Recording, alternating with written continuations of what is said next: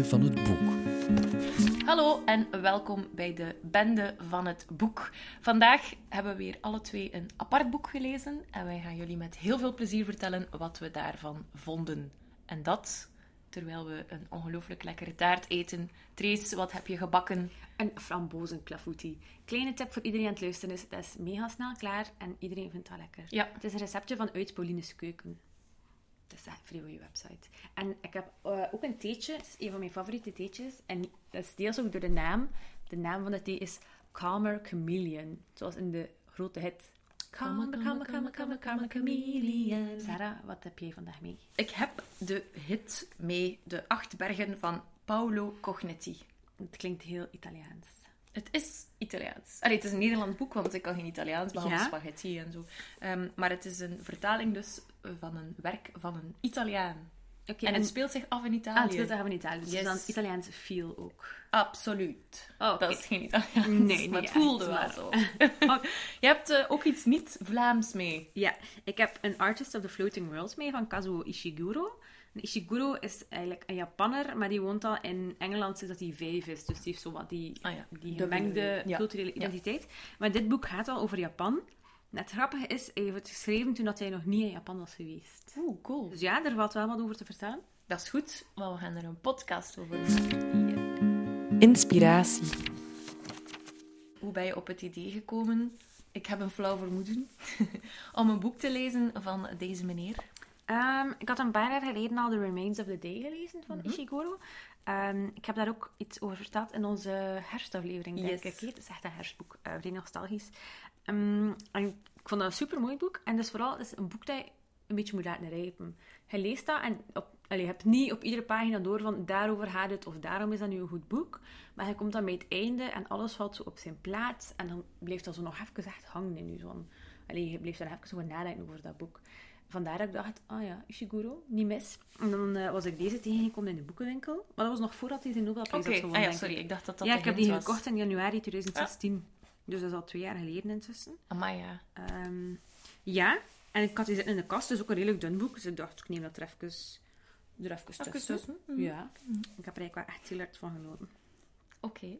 En eh, wat heeft jou verleid tot de acht bergen? Ik denk het feit dat die overal heel zichtbaar ligt in de boekenwinkels. Ja, ja, het is wel een leuke kaft, vind ik. Hè? Mhm. Het is eentje dat je gemakkelijk Heel vastneemt. herkenbaar ook, ja, ja. De kaft is eigenlijk eh, een, eh, een berg, hè? ja, het is een soort stilistische weergave van een, van een berg. Ja. Een berglandschap is misschien een goede naam. Of Ja. een goede omschrijving. Ehm, en dan de zeer korte beschrijving van de inhoud sprak mij ook aan. eh, want ik heb het gekocht om mee te nemen op mijn maandje Azië. Mhm. Ehm, ja, het is een boek over de zoektocht van twee vrienden naar het geluk. En eh, ik dacht, ja, dat heb ik nodig. Dus Ja. eh, ik was eigenlijk snel overtuigd. Korte inhoud. Grace, je hebt al een, een mini-tipje van je sluier opgelegd eh, om, om- door te vertellen dat het eh, Ja. over Japan gaat. Inderdaad. Maar kan je toch nog iets meer Ja, ik vertellen? kan zeker nog meer maar vertellen. niet te veel. Ehm, het gaat over de periode net na de Tweede Wereldoorlog in Japan. Dus Ja. Japan is dan eigenlijk eh, ja, bezet door eh, de Verenigde Staten Ja. van Amerika.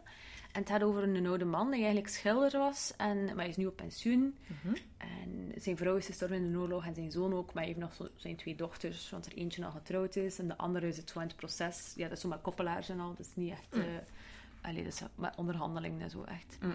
En gaandeweg, allee, hij, hij praat zo'n beetje over het verleden en over zijn protégés van vroeger en zijn kunst, maar om een of andere reden is er geen enkele van zijn schilderijen nog in huis. En dan okay. komt zo een paar keer aan bod. En dan je komt zo langzaam aan wat meer te weten hoe dat komt. Want eigenlijk was hij een... ehm, ja, het gaat over het opkomende militarisme in Japan. Dus voor in de Tweede Wereldoorlog waren er... Ja, dus Japan begon dan met eh, delen van Azië eigenlijk ja, binnen te vallen en te Mhm. bezetten. En hij was een van die kunstenaars die eigenlijk daarvoor een beetje voor die sfeer zorgde dat dat mogelijk gemaakt heeft. Door eigenlijk propaganda te gaan maken. Oké. Ja. En de vraag is dan eigenlijk zo heel tijd een beetje van... In hoeverre is hij meeschuldig aan al de mensen die gestorven zijn Mhm.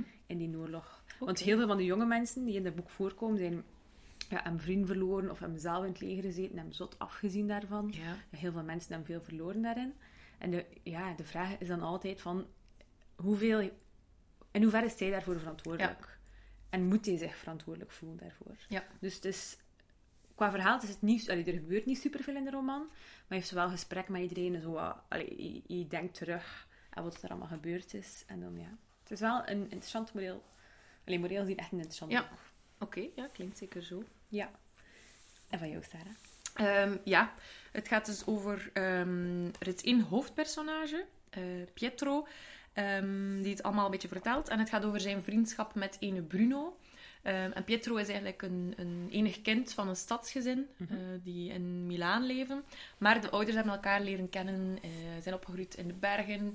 Ehm, en ze beslissen dan een buitenverblijfje te kopen terug in de bergen, waar hij dan als kind ook, eh, dus Bruno, waarover eh, ik daarnet sprak, leert kennen. Die krijgen een, een heel bijzondere vriendschapsband. Dus het gaat enerzijds daarover. Ehm, en anderzijds gaat het dan ook over ehm, de band die Pietro heeft met zijn vader. Ja. Niet zo ideaal. De vader sterft ook vrij snel. En dan wil hij dan gelijk toch ergens zijn vader toch nog leren kennen, ook al is hij nu gestorven. Maar hij, dat is een manier voor hem om daarmee om te gaan. Dus je hebt eigenlijk die twee lijnen, die uiteraard heel nauw met elkaar, met elkaar zijn verweven. Eh, ja, en dan gebeurt er uiteraard eh, van alles. Ehm, en de bergen zelf spelen in alle twee de verhalen een heel belangrijke rol. En dat vond ik... eh, Er zijn er effectief acht bergen. Ja, het, gaat, de, de, het, het gegeven van acht bergen ehm, is iets wat dat terugkomt, omdat Pietro die gaat op een bepaald moment naar Nepal, waar er ook wel bergen zijn. Ehm, en dat is een deel van de boeddhistische leer of zo. Eh, dus dat, dat wordt ook uitgelegd in het boek, maar het is nu al... Ik ben al even terug van Feitjes. Ik zal terwijl jij mij thee inschenkt eh, al een beetje vertellen. Want er valt wel wat te vertellen over onze Paolo. Want eigenlijk ehm, komt het erop neer dat de twee hoofdpersonages eigenlijk alle twee een deel zijn van de echte Paolo. Die zag Ja. je niet aankomen. nee. Nee. Helemaal. Ehm, want hij is zelf ook geboren en opgegroeid als stadskind meer dan in Milaan. Ehm, maar tegelijkertijd heeft hij dan ook iets van die ruwe Bruno, eh, die wel een, een bergkind is, eh, zoals hij het zelf noemt. Eh, want die, die bergen en die natuur doen toch wel iets met hem. Ehm, hij is toen hij 30 jaar was ehm, teruggekeerd naar de bergen. Dus daarvoor heeft hij ja, gestudeerd. Hij wou heel graag schrijver worden. Maar het, het, het, het studeren, allee, om schrijver te worden, dat bestaat niet echt.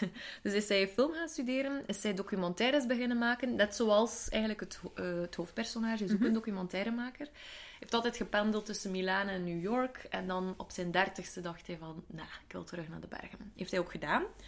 Dus dat is echt parallel, zoals Ja. met het hoofdpersonage. Ehm, en hij, allee, de, de auteur is dan naar de bergen gegaan om te schrijven. En daar heeft hij dan eh, onder andere dit boek geschreven. Hij heeft ondertussen wel, ook als filmmaker of documentairemaker, ook altijd zo wat bundels uitgebracht. Ehm, en in 2012 zijn eerste roman ook. Ehm, en dat was Sophia draagt altijd zwart, als ik het juist aflees van mijn blaadje. Ehm, en dan zijn tweede roman is eigenlijk het, het- dat, de voorgeschiedenis van het hoofdpersonage van De Acht Bergen. Ah ja, Maar dat wordt nu pas op dit moment vertaald naar het Nederlands. Eh, dus ik ben zeer benieuwd. Eh, ik ga het ook zeker eh, opzoeken. Hij heeft ook zijn vader verloren in het, de, de Paulo. Ehm, en Bruno, het personage van Bruno, is eigenlijk gebaseerd op drie bergmensen die Paulo echt kent. Dus dat maakt het voor, voor mij heel boeiend. Ehm, of, of ik zou misschien wel durven zeggen dat als, als auteurs een verhaal schrijven dat echt zo bijna autobiografisch is, dat je dat wel merkt dat dat echt is. Dat dat zo een, dat dat veel body heeft. Moest het een wijn zijn. Ehm, ja, ehm, hij heeft ook met dit boek een aantal prijzen gewonnen. Ja. Ehm, ja, ik ken ze zelf niet, maar naar het schijnt is de belangrijkste prijs die je in Italië kan winnen. De Premio Strego. En dan ook de Premio Strego Giovanni. Is blijkbaar, eh, ja, ik denk dat ik een beetje kan vergelijken met de kinder- en jeugdjury van Vlaanderen. Maar dan Of de. Engtaap misschien. Ja, gekozen door kinderen tussen 16 en 18 Ja, jaar. ik denk dat de Engtaap? Daar wel zo... eh, Oké, en dan heeft hij in Frankrijk ook de ehm, Prix Médicis Étranger gewonnen. mhm. Eh, klonk goed. Eh, en in Nederland, eh, of ja, de Nederlandstalige uitgave is al aan de zesde druk toe. Dus ik denk wel dat we mogen stellen dat dit boek een hit is. Want het is uitgebracht in, als ik het goed onthouden heb, ja, 8 november 2016. Ja, Dus inderdaad nog ehm, vrij vers van de hij pers. mag wel tevreden zijn. Eh, wat kan ik nog vertellen over deze heert? Hij wou Amerikaanse literatuur studeren, is dan filmmaker geworden. Maar hij, voor, voor hem is een film maken, is eigenlijk dat verhalende heel belangrijk. Hij Mhm. wil echt verhalen vertellen. Ehm, en iets wat ik zeker ook in het boek terugvond, is de quote, of de, zijn stelling, dat in de filmwereld, dat hij daar geleerd heeft om alleen te beschrijven wat dat je kunt zien. Want je hebt je camera, en als je iets wil uitleggen, een emotie of zo, kun je dat wel doen aan de hand van een anekdote. Ehm, maar hij vindt dat geen goed idee om echt zo alles letterlijk te gaan filmen. Je moet altijd zo'n beetje mysterie houden. Ehm, en dat doet hij absoluut ook met in het boek, dat er veel verborgen blijft. Ja. Je merkt ook tussen die vrienden dat ze zich... eh, dat, eh alleen niet het hoofdpersonage, daar kun je wel echt zijn, zijn gedachten allemaal volgen. Maar dan, als andere personages iets doen, weet je niet altijd waarom. Maar het klopt allemaal. En hoe dat, dat hij het beschrijft, komt exact overeen met die quote. Dus eh, ik dat, denk dat dat eh, voorlopig de belangrijkste info is. Misschien nog één leuke anekdote. Is dat hij eigenlijk ehm, het boek is beginnen schrijven eh, nadat hij zelf eh, Brokeback Mountain had gezien. Omdat hij, hij zei van ja, die band tussen twee mannen, dat wordt eigenlijk... Die vriendschap tussen mannen, dat wordt eigenlijk niet veel verteld. Ehm, dus er, er, is geen, allee, er is geen liefdesverhaal tussen die twee vrienden, maar ook wel een, een, een, een bijzondere vorm van affectie, dat wel. Ehm, en toen had hij Into the Wild had gezien in de cinema, toen heeft hij beslist eh, om eh, uit de stad te verhuizen. Ja. Dus eh, ja, kijk, hij, hij geniet wel degelijk ook van de populaire cultuur. Eh Trace, wat weet jij, eh, buiten het feit dat hij de Nobelprijswinnaar was, eh, over jouw auteur? Mijn auteur. Kazuo is geboren in 1954 in Nagasaki. Ehm, maar tegen dat, ik dat hij vijf was, toen dat hij verhuisde. Ja, vijf of zes. Toen dat ze heel, met het hele gezin verhuisden Ja. naar Engeland. Ehm, voor de papa. De papa ging, eh, was een oceanograaf, denk ik. Een oceanograaf. Of oceanograaf. Weet het niet meer juist. Dus hij bestudeert aan oceaan. zo. Ja, zoiets. Ehm, anyway, ze zijn allemaal verhuisd naar Engeland. hey, eh, Mama, papa, Kazuo en dan zijn nog wat zussen, denk ik. Allemaal de vlieger op en naar Engeland. Ehm, met het idee van, misschien is dat voor een paar jaar, maar ze zijn Mhm. er eigenlijk altijd allemaal gebleven. Oké. Eh Kazuo is daar opgegroeid, die is dan ook gaan studeren. Heeft dan een gap year genomen om te gaan rondrennen en bezig te zijn met zijn muziek. Vrij Oké. grappig vind. En ehm, dan is hij ook nog creative writing gaan studeren, dus je kunt wel studeren om te gaan schrijven. Oké. misschien Maar dat misschien niet in, eh, in Nee, ik denk ook dat dat in Engeland maar op één plaats is. Ah, is altijd voilà. in East-Anglia dat ze dat doen. Ehm, dus ja, wel fascinerend. Dus hij wist eigenlijk wel al vrij snel dat hij schrijver wil worden. Ja. Ehm, die, zijn eerste roman is gepubliceerd toen dat hij, ik denk dat hij 28 was. En die heette ehm, A Pale View of Hills, denk ik, was zijn eerste roman. Ja. En dit is zijn tweede, An Artist in Floating World. Die eerste twee spelen zich alle twee af in Japan. Ja. Want dus hij heeft op zich niet zo super veel herinneringen aan Japan. Die is daar Hmm. ook niet opgegroeid. Ja, zo zo klein. Maar eh, zijn ouders zijn alle twee al Japans. Dus Ja. thuis praten ze wel Japans. Zijn, ja, zijn ouders hebben ook nog altijd die cultuur mee Mhm. van Japan. Dus dat is een beetje een rare mix. Mhm. ehm, waardoor dat dan wel echt nog altijd heel meespeelt. Maar als je dat dan ook leest, bijvoorbeeld ook als je The Remains of the Day leest, dat is echt wel heel Brits dan. Mhm. Allee, je zou nooit, als dit met een allee, anoniem was gepubliceerd of zo, zou je nooit zeggen van, ja, dat, dat doet mij echt heel Japans Mhm. Dat, dat is eigenlijk totaal niet. Maar je heeft wel zo die, die aandacht voor dat detail. Mhm. eh, net doordat hij dan... Allee, hij weet denk ik wel hoe dat er Japans is en wat er Engels is, net omdat zijn Japanse ouders hebben hem opgevoed in een Engelse wereld. Ja. Dus dat is dan altijd wel fascinerend om te zien. Ehm, voor die Nobelprijs heeft Kazuo ook wel redelijk veel andere dingen gewonnen. Met deze roman heeft hij de With Bread of the White Bread Book of the Year ehm, gewonnen. Eh shortlisted voor de Booker Prize. Die een Booker Prize heeft hij dan gewonnen voor The Remains of the Day. Mhm. Eh, maar dus, iedereen is wel van, eh van Ja. Ishiguro, denk ik. Ehm, ja, er is ook geen reden om geen fan te zijn. Hij schrijft geen te dikke boeken, dus iedereen kan die lezen. En, maar hij, hij zet je wel altijd aan het denken met die boeken, want het is heel persoonlijk altijd. Dus het is gevolgd echt één iemand. Mhm. En in dit boek is dat Matsuji Ono. Waar Japan staat. Mhm. Ehm, en je ziet alleen alles gebeuren vanuit zijn standpunt. Maar dat is ook wel, nee, dat is eigenlijk al een beetje die begraven. Ik ga dat sparen voor straks. Ja.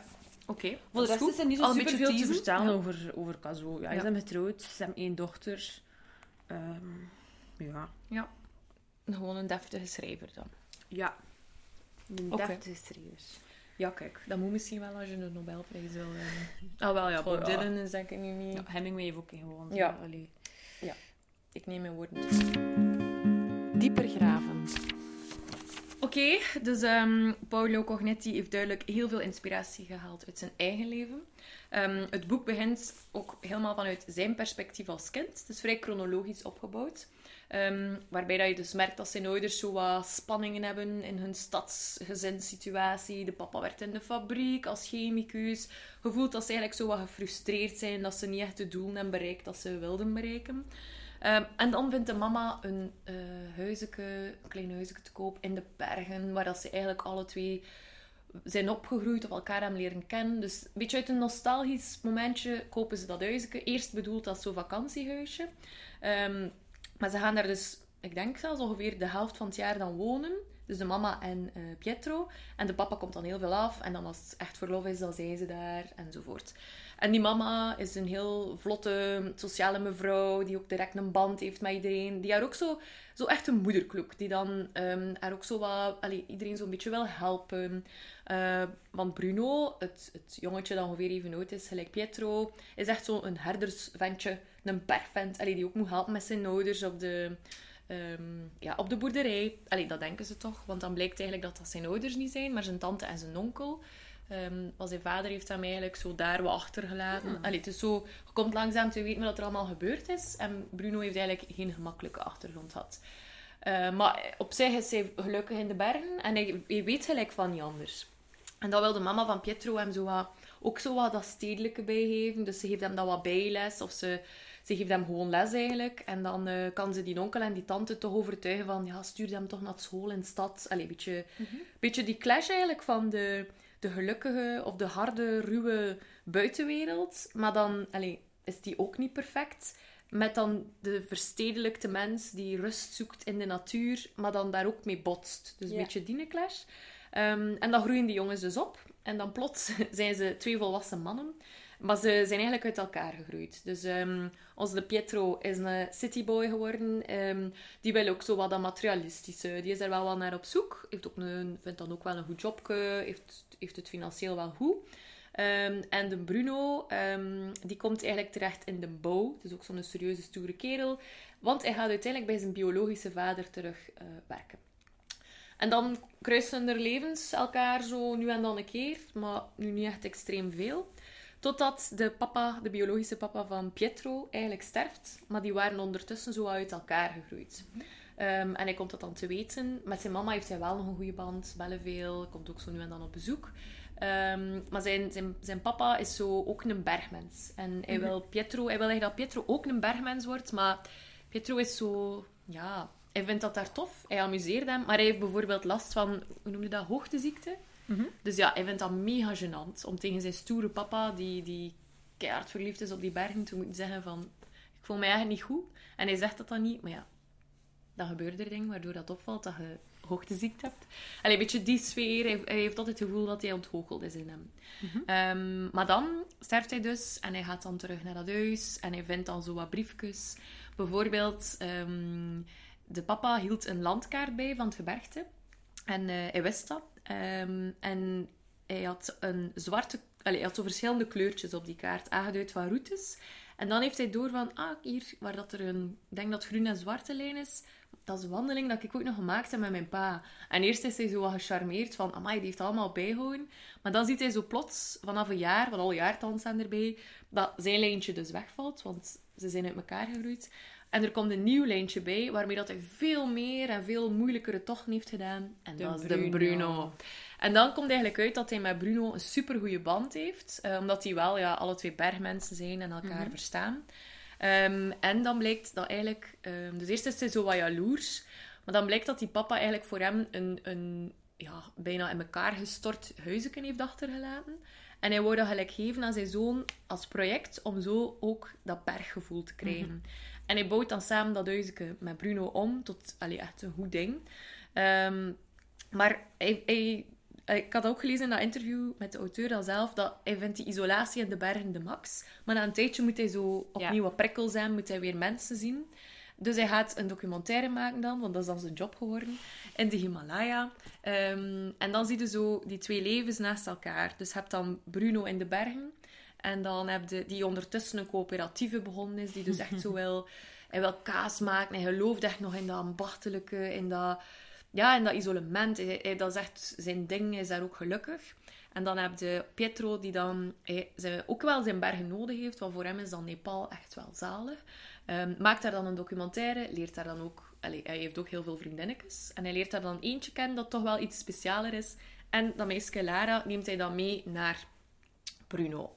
Ehm, en dan voelt hij eigenlijk dat Lara toch niet zo speciaal is. En dan, hè, plot twist, Lara en Bruno, die, eh, die, ja, die voelen zich wel tot elkaar aangetrokken. Dus dan, eh allee, de, die hebben er allemaal geen probleem dan mee. Ja, Ehm, dus het is wel een, een speciale... Ze hebben allemaal zo'n speciale band met elkaar. Er is heel veel respect. Ook de moedersfiguren ehm, spelen een belangrijke rol. Ehm, maar wat dat het, het, het boek voor mij zo goed maakte, is hoe de manier waarop dat hij die natuur beschrijft. Hij ik heb echt het gevoel dat ik... eh, ik heb het denk ik in, weet het niet, een paar dagen uitgelezen. Dat ik in die bergen ben geweest. Ik heb echt het gevoel dat ik mee aan het wandelen was. Dat, ik had ook kou. Maar ik heb wel veel kou. Maar goed, dat doet er niet toe. Eh, ik, ik heb echt het gevoel dat ik die bergen heb gezien. Dat ik weet hoe lastig dat was. Dat ik, dat ik eh, ook de... Oh, hij beschrijft de wind en de kou en de kleuren. En de, ook de, de angst een beetje van oei, een lawine. Allee, zo... Of de stilte en de kilte. En, en het, als je dan echt hoog klimt... ehm, heb dan van die berghutten dat echt van die diehard klimmers gewoon samenkomen en heel basic in een veldbeddeken allemaal in één zaal eh, slapen en zo wat berichten voor elkaar eh, nalaten. Je, oh, je, je voelt het zo goed. Dus daarom vond ik dat boek eh, ook die vriendschap uiteraard en die, die band met die, met die papa. Maar ze, ze doet dat in een andere context en dat zou een heel ander verhaal zijn. Dus daarom vind, ik- begrijp ik de hit. Het is een... ehm, ja, hebt zin om ook te gaan wandelen in de bergen. Mhm. En toch heb je ook een beetje het gevoel dat je er geweest bent al. Ehm, ja, het, het, het zijn... hij is niet echt een woordkunstenaar voor mij, maar wel een, Een echte verteller. een echte verteller. En dat wou hij worden. Dus voor mij is hij... is leven wel is mysterieus. Dat je eigenlijk je personages niet tot op detail volledig bloot heeft, maar dat je zo aan je lezer ook nog een beetje verwacht. Ja. Denk maar, of, of vorm het maar. Ja, wel, dat is hier eigenlijk bij Ishiguro is eigenlijk helemaal hetzelfde. Hè. Omdat je net ook vertrekt echt vanuit één persoon. En die geeft zelf ook heel vaak toe dat, die, dat dit allemaal niet meer zeker is. Mm. Dus het is eigenlijk bestaat uit vier hoofdstukken. Eh, het begint met oktober 1948 en het Ja. eindigt met juni 1950. Oké. Ehm, maar je, maakt zo heel duidelijk dat hij het achteraf vertelt. Oké. Zeker, je heeft ook zoveel, ik denk dat hij zo terugkijkt naar zo de jaren 30, de jaren 20 en Ja. zo. En, ehm wat, ik ga je zoeken waar dat hij doet heel vaak. Waar, ik heb het zeker een keer aangeduid, omdat ik dacht, ik ga dat nog wel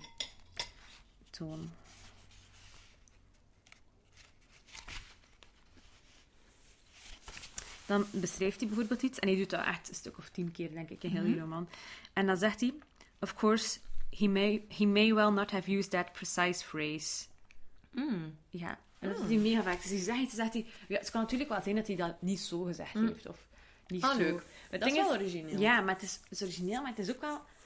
Zet je misschien wel op de verkeerde voet. Ja. Want ergens heb je wel door van, die verteller is niet betrouwbaar. Ja. En omdat hij dan zelf toegeeft van, misschien weet ik het allemaal Ja. niet zo goed, denk je dat, ah ja, maar misschien is hij nou wel eerlijk erover. Oké. Maar ja, je weet het niet zeker, hè. Ja. Want dat is zo die hele vraag van dat ding van, hoe eerlijk is hij ook tegen zichzelf? Ja. Want dus de roman begint en het gaat over... Dus zijn jongste dochter is 26 en die is nog niet getrouwd. Ehm, drama, drama. en eh, het jaar voor... Dus in 1947 dan, waren ze eigenlijk al redelijk ver in de onderhandeling voor een huwelijk. Ja. En dat is op een bepaald moment afgesprongen. En zijn dochters suggereren zo'n beetje aan hem van, ja, zou dat kunnen dat ze misschien wat navraag gedaan hebben naar u? En naar, allee, bijvoorbeeld bij vroeger protégés zijn langs geweest, of collega's. Eh, ja, misschien heeft dat daar wel iets mee te zien. En in het begin is hij like, zo vrij in ontkenning. Zo van, ja, oh, voor mij, ja, wat kunnen ze nu over mij ontdekt hebben, dat dat, die, dat, dat huwelijk zou doen afspringen en zo. Nou, Dan gaat daar niet zo super veel meer, meer op in. Maar dan is dan zijn dochter opnieuw in onderhandeling voor een huwelijk. En dan gaat hij wel zo'n keer op zoek bij zijn oude maat. Van ja, hé, als er iemand komt vragen, ik hoop dat je een beetje hé, Ja. wat goede dingen te vertellen hebt over mij. Maar dat ge- gebeurt vrij in bedekte term. Dat is dan ook zo weer iets typisch Japans, denk ik, om daar dan zo wat uit Ja. de leeftijd. Dat zie je ook heel hard aan de manier waarop zijn dochters tegen hem praten. Want ze suggereren zo wel, van misschien heeft dat daar iets mee te zien, maar ze zeggen nooit op de man af. Ja. Papa zou het kunnen, het feit dat hij verkeerd werd in de oorlog. Ja, dat er niemand met mij wil trouwen. Ja, inderdaad. Ja. Dus je moet dan zelf zo'n klein beetje ontdekken hoe zot dat, dat precies in elkaar zit. Ja. Eh, op een bepaald moment wordt ook wel duidelijk dat hij echt ook mensen heeft verklikt in de oorlog.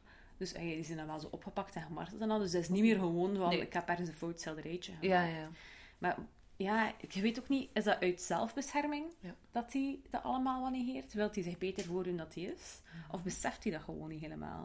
Want ook als het gaat over... Je zegt dan bijvoorbeeld van, ja, hé, ehm, ja, het is wel een man met veel invloed. Maar je zegt dan van zichzelf dat hij dat niet altijd heeft doorgehad. Dat hij zoveel invloed had. Dus ja, betekent dan een woordje voor iemand. En dan was hij altijd zo super dankbaar voor. Maar dan dacht ik, ja, dat is toch helemaal niet nodig. Want dan denk je, maar je bent ons nu wel aan het vertellen. Dus misschien is dat dan toch maar valse bescheidenheid. Mhm. Dus het is heel moeilijk om te doorgronden Oké. van, wat voelt die man nu? Ja. Echt. Ja. Eh, en praat hij alleen maar hoe wat hij gedaan heeft? Of zit er ook effectief een kern van waarheid in? Want even zeggen bijvoorbeeld ook op een bepaald moment... er is dan aan het praten met een, met een collega van hem die inderdaad ook zo'n klein beetje fout is geweest. En dan, dan zegt hij... In any case, there is surely no great shame in mistakes made in the best of faith. It is surely a thing far more shameful to be unable or unwilling to acknowledge them. Dus dan zegt hij van, ja, we hebben dat wel allemaal fout gedaan, maar wel met de beste bedoeling. Mhm. We geloven daarin. Allee, ik denk wel, dat gaat over de kunst, niet over dat verkleinen, denk Ja. ik. Maar dus die hebben ja, grote schilderijen gemaakt, dat is ook dat imperialistische van Japan, zo echt over in de verf zetten van... hé, eh, dat, dat militaristische, van we moeten daar iets mee doen, we moeten vooruit als Japan. En ja, ze bedoelden dat ook wel echt. Allee, als je het zo op die manier bekijkt, ja... Ze bedoelden, ze bedoelden dat niet slecht, ja. Mhm. Het is niet als ze letterlijk gezegd hebben tegen de mensen van ja, misschien moet je de zee oversteken en mega veel mensen gaan. eh, Ja. Dat niet. Maar het is heel moeilijk om zo te bepalen van... Ja. Allee, Hoe hard ben jij betrouwbaar als verteller? ja, Mhm. inderdaad. Ja, en hoe valabel zijn uw argumenten? Is dat wel zo? Dat feit dat je het met beste bedoeling gedaan hebt, minder Ja. erg maakt? Want jij hebt dat wel gedaan met goede bedoeling. Maar er zijn wel mensen gestorven, hè. Maakt dat dan uit of dat je intentie goed was of niet? Mhm. Allee, het is een vraag dat je kunt stellen, Mhm. hè, en een vraag waar je zeker over kunt discussiëren. Je zegt dan ook, ja, op een bepaald moment, ja, het is beter om iets te doen dan om niets te doen. Ja, is dat zo? Is dat zo? Mhm. We zeggen dat wel altijd, maar ja. Oké, dus je wordt echt wel een beetje uitgedaagd om na Ja. te denken over eh, serieuze vraagstukken. Ja, en dat gaat ook voor de rol van, van een artiest. Mhm. Want ja, hij is eigenlijk een schilder. En zeker in de periode waarin hij begint te schilderen, is dat is zo'n beetje de decadente periode. Heet dat. En ze schilderen eigenlijk vooral ja, geisha's, eh tafereeltjes in de Pleasure District heet dat Mhm. dan. Ze zo, ja, ja, een- man die zoiets aan het drinken zijn en de courtisanes en zo. Maar eigenlijk kunst dat er niet super veel inhoud in zit. Mhm. En dan zegt hij op een bepaald moment ook: The truth is, in times like these, when people are getting poorer and children are growing more hungry and sick all around you, it is simply not enough for an artist to hide away somewhere, perfecting pictures of courtesans. Mhm. Want oorspronkelijk werd hij ook geïnspireerd omdat hij zag een. eh, dus die had wel altijd zo'n beschermd leventje geleid en die zat ook vrij aan zijn kunstenaarsbubbel. Mhm. Maar het moment dat hij besliste om iets anders te gaan schilderen, was toen dat hij door een arme wijk liep. En hij zag daar dan zo wat arme kinderen zitten en zo. En dat was eigenlijk... Toen is hij begonnen, dat hij dacht van ja, en als we dat nu een keer aan de kaak stellen, als we nu een keer tonen van kijk, er is zoveel armoede, misschien als we dat in onze kunst verwerken, dat we daar iets mee kunnen doen. Oké. Dus eigenlijk op die manier is hij dan beginnen nadenken van ja, wat kunnen, we, wat kunnen we doen met onze kunst? En ja, uiteindelijk, als je heel die lijn doortrekt, dan kom je bij propaganda uit. Mhm.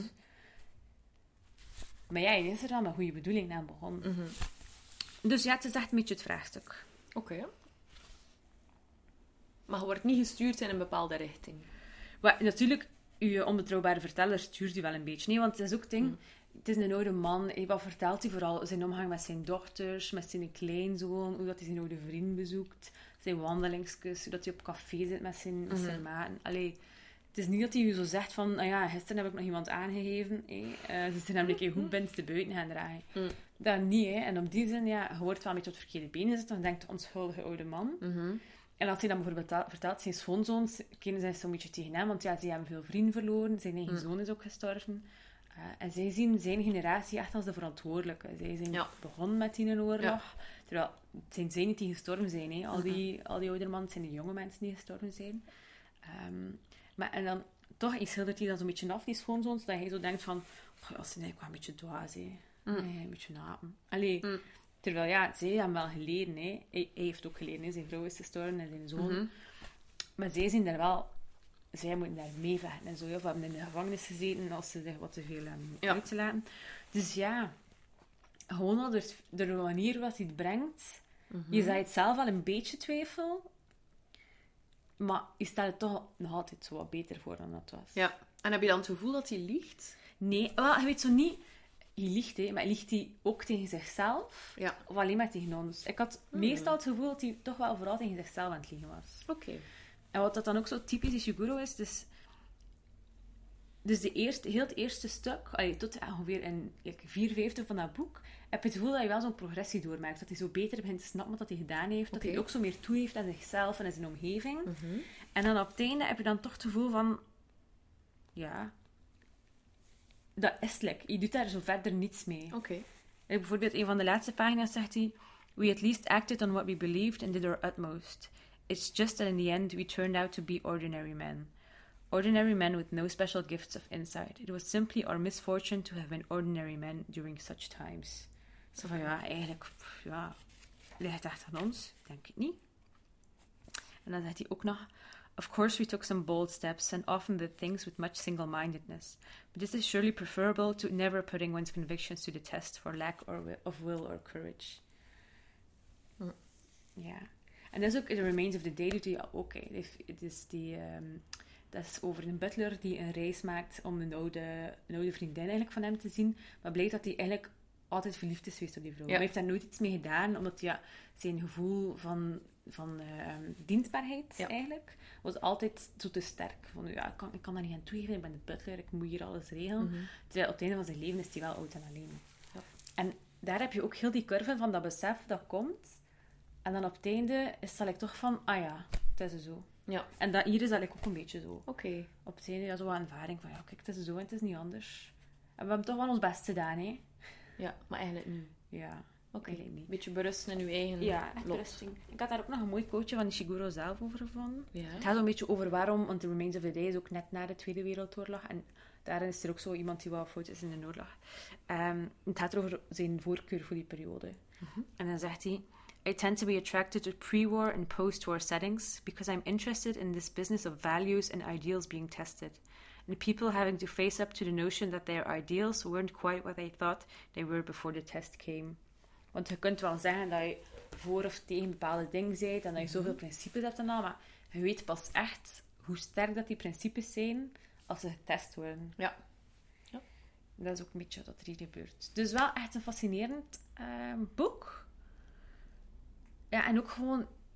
Het is, wel, allee, het is vooral een nadenkboek, maar je zet ook zo mooi zo die sfeer neer. Hè. Je praat dan over die Pleasure District, hoe dat, dat was, met zo al die grote cafés daar en die geishas en al die kunstenaars onder elkaar en al. Allee, je zet dat super mooi neer. Hè. Je ziet je echt al zitten. Mhm. Het zijn eigenlijk kleine schilderijtjes dat hij maakt.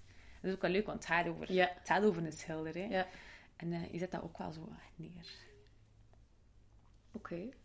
Ja. Dus dan hebben we eigenlijk mm, met onze twee schrijvers het gevoel dat we echt in hun wereld zijn geweest. Ah, misschien ook nog iets over de titel. Ja? Ehm, The Floating World is eigenlijk hierin vooral beschreven als zo dat, dat decadente wereldje. Ja. Het niet, het niet echte leven van een artiest eigenlijk. Zo wel van, ja, de Floating World zijn, ja, ze zitten zo de tijd op café, een beetje drinken. Ik vermoed dat er ook bepaalde eh niet gelegaliseerde Speciale drugs en te pas kwamen.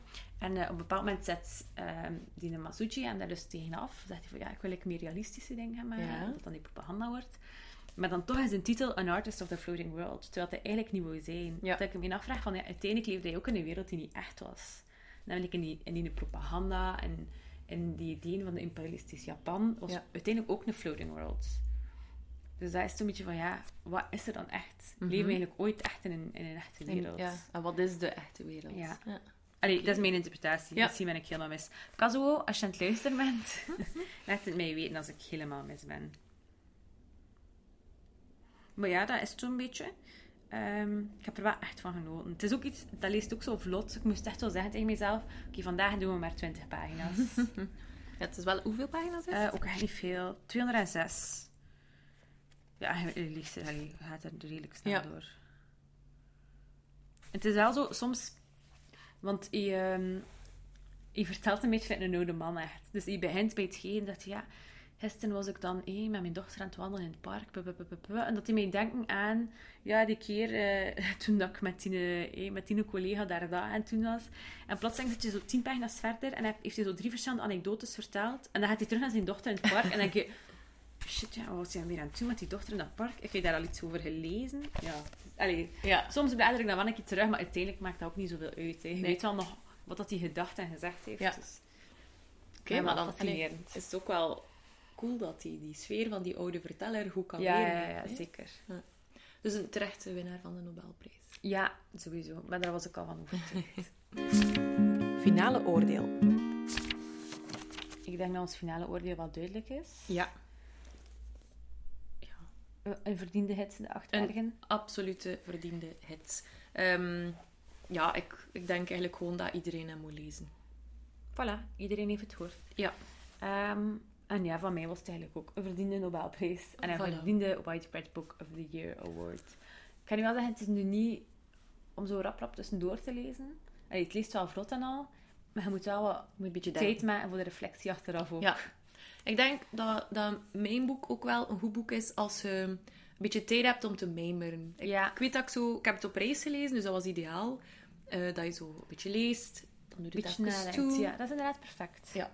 Dus Mee meer tijd. Ja, mee dat meer heb je nodig voor onze boeken. Ja. Dan zijn we eigenlijk klaar om afscheid te nemen. Maar eerst, Sarah, wat ben je nu aan het lezen? Wel, ik ben nu die nacht zag ik haar van Drago Jančar of Jansar. Ik weet niet hoe, hoe dat je. ehm, Ik denk dat waarschijnlijk een van die twee opties gaat zijn. ja, het is een Sloveens. Als er mensen zijn die Sloveens kunnen, laat mij gerust weten hoe dat ik het eh, moet uitspreken.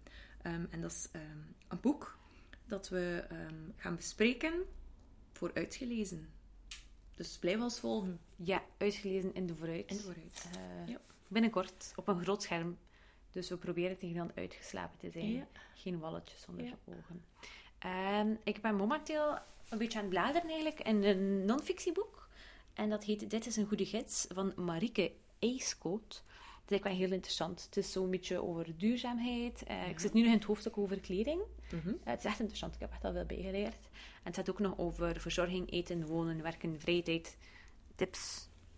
En allemaal in het teken van duurzaamheid. Ja, allemaal in het teken van duurzaamheid. Oké. Dus het is echt wel interessant.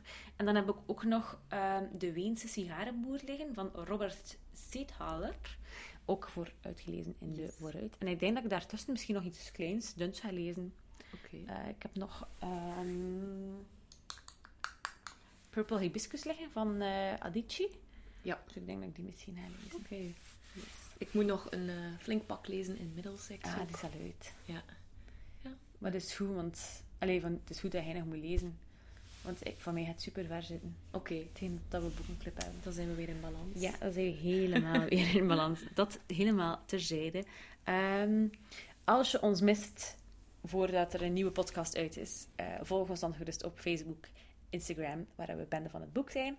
Of via bendevanhetboek.com, dat is onze website. Eh, daar vind je alles, maar echt alles wat je ooit over ons wilde weten. Eh, hopelijk heb je ook ons filmpje gezien op Ja. Facebook. We hebben heel hard ons best gedaan. Ja. Eh, om even boeiend te zijn als op de podcast. Laat gerust je mening eh, achter daar. Als je denkt dat de kadrage toch niet zo super was, laat het ons weten. En dan vliegen we er eigenlijk vandoor.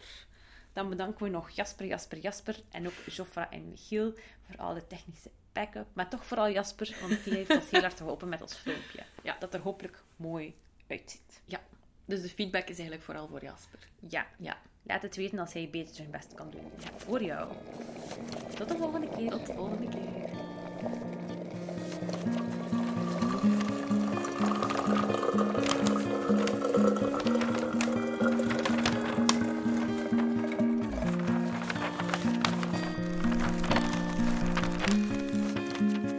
Bende van het boek.